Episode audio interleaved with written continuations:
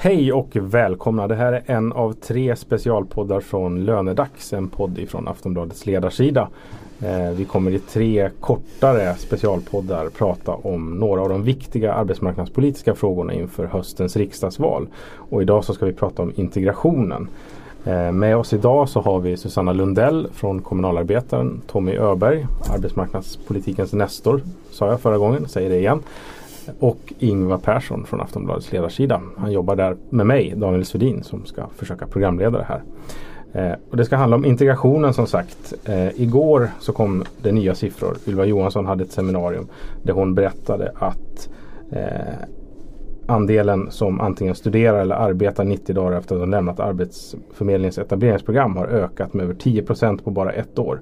För kvinnor är utvecklingen ännu mer positiv. Ungdomsarbetslösheten sjunker både för de som är födda i Sverige och för de som kommit hit lite senare. Och samma sak gäller långtidsarbetslösheten. Eh, ministern redovisade att extratjänster, lokala jobbspår och nationella snabbspår har bidragit till att etableringsjobben, eh, eh, eller att folk får etablering mycket snabbare än tidigare. Eh, kan man jubla i regeringskansliet? Eller kan vi jubla i nationen kanske jag ska fråga? Ja, alltså jubla och jubla. Men visst är det imponerande att, eh, att så många har kommit i arbete. Att vi har den högsta sysselsättningen som vi någonsin har uppmätt. Det är väl fantastiskt i sig. Och det kommer ju oftast bort i, i diskussionen om tillståndet i riket. Mm. Det är inte så ofta någon lyfter just det. Men, så det kan väl vara viktigt att tala om att, att 82-83 procent av människor mellan 20 och 64 år just nu är i arbete och att dessutom de allra flesta av de nya jobben kommer till de som vi alltid påstår har svårast för att få jobb. Just de nyanlända. Det är väl en stor framgång. Eh, det här är en av de stora eh, striderna inför valet. Eh, för ett år sedan så enades allianspartierna om någonting som man kallar för inträdesjobb. I korthet så blir det en lagstadgad anställningsform för unga utan gymnasieexamen och för nyanlända. Lönen ska vara 70 procent av de lägsta lönerna i dagens avtal och eh, 30 procent av arbetstiden anses gå till utbildning.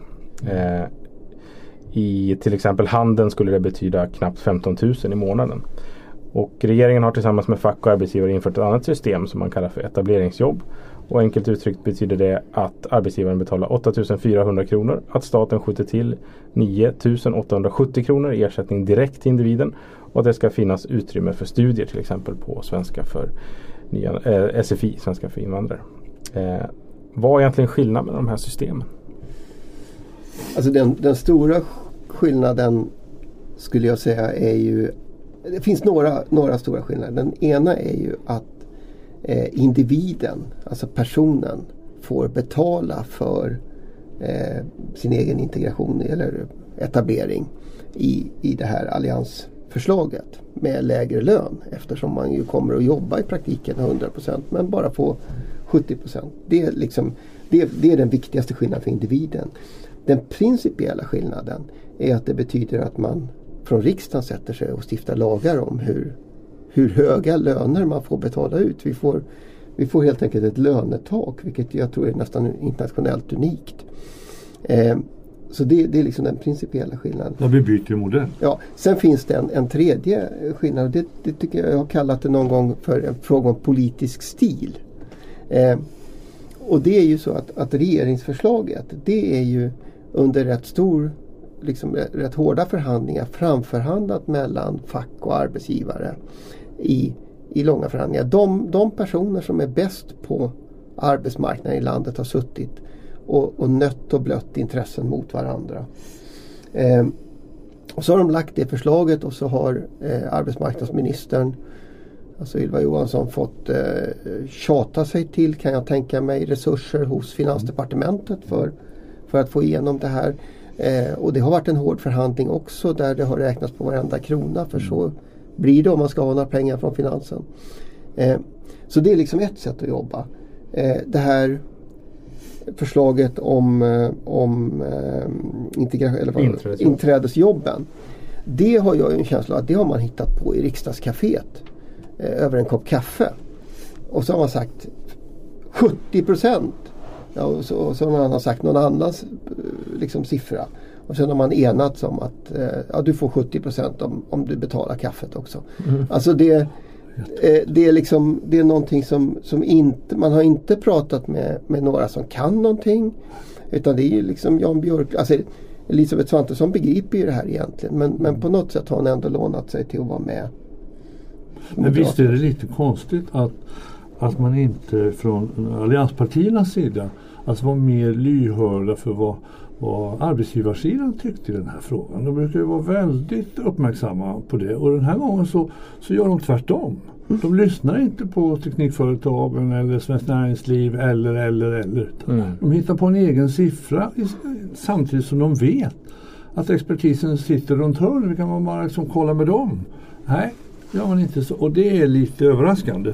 Så att Ingvars lite raljanta beskrivning av var det här har kommit till ja, den äger nog en del sanning. Det låter, känns så faktiskt. Alltså, det här är slarvigt gjort alltså.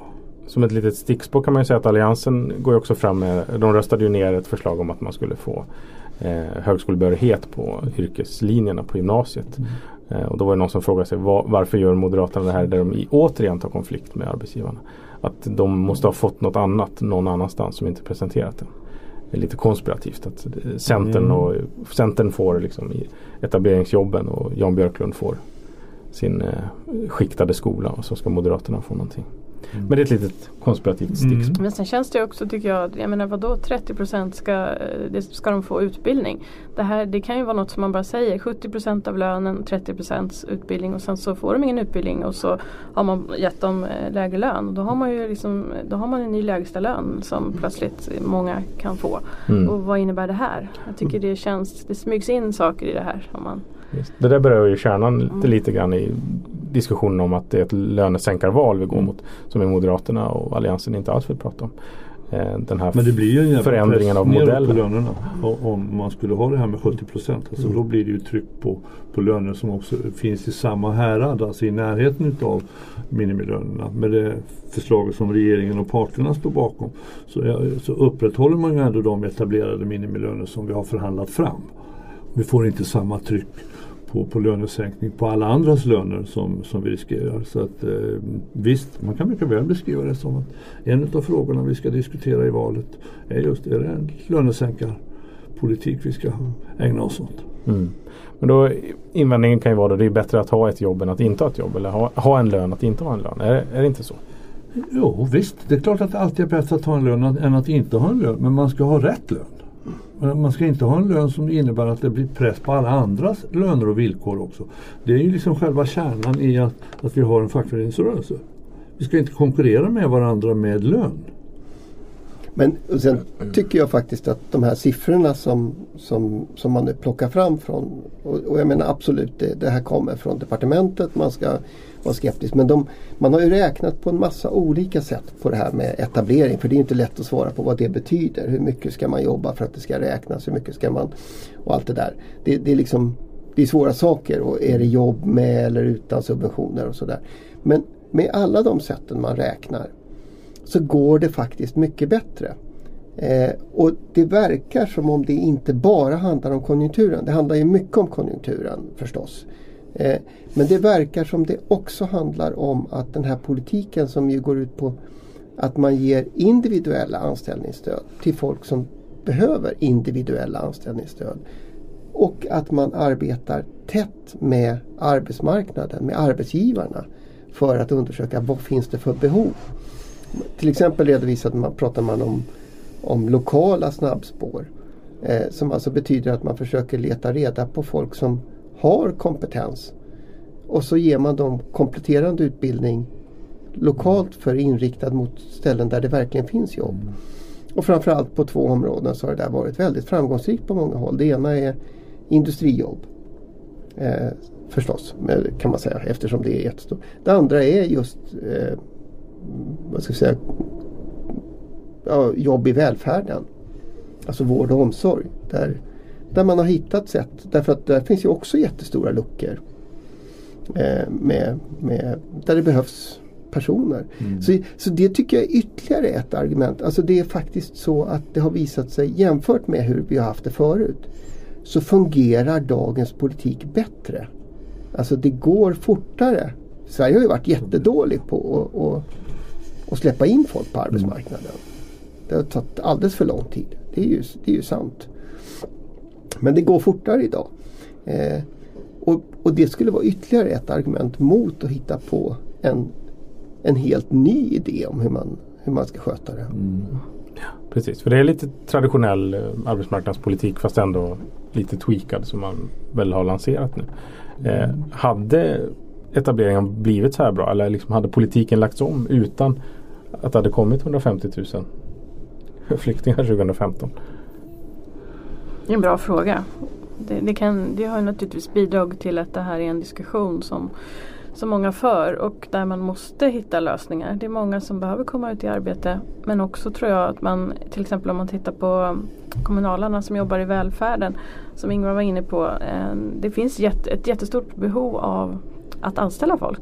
Eh, och där måste man som arbetsgivare matcha till exempel med att erbjuda språkutbildning så att man kan eh, de termer man behöver för att kunna jobba som undersköterska till exempel utan att det uppstår eh, problem.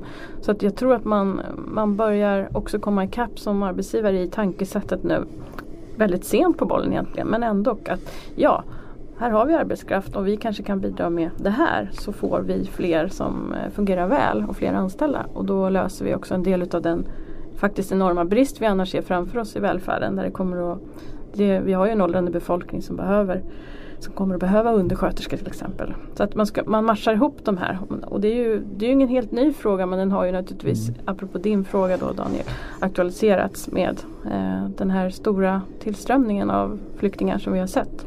Mm. Men så måste man väl lägga till att, att om man har en sån uthållig högkonjunktur som, som vi nu har levt i så, så för varje kvartal som går så ökar ju kraven på att, att från allt fler företag som har svårt att ta order för de hittar inte folk och så vidare och så vidare.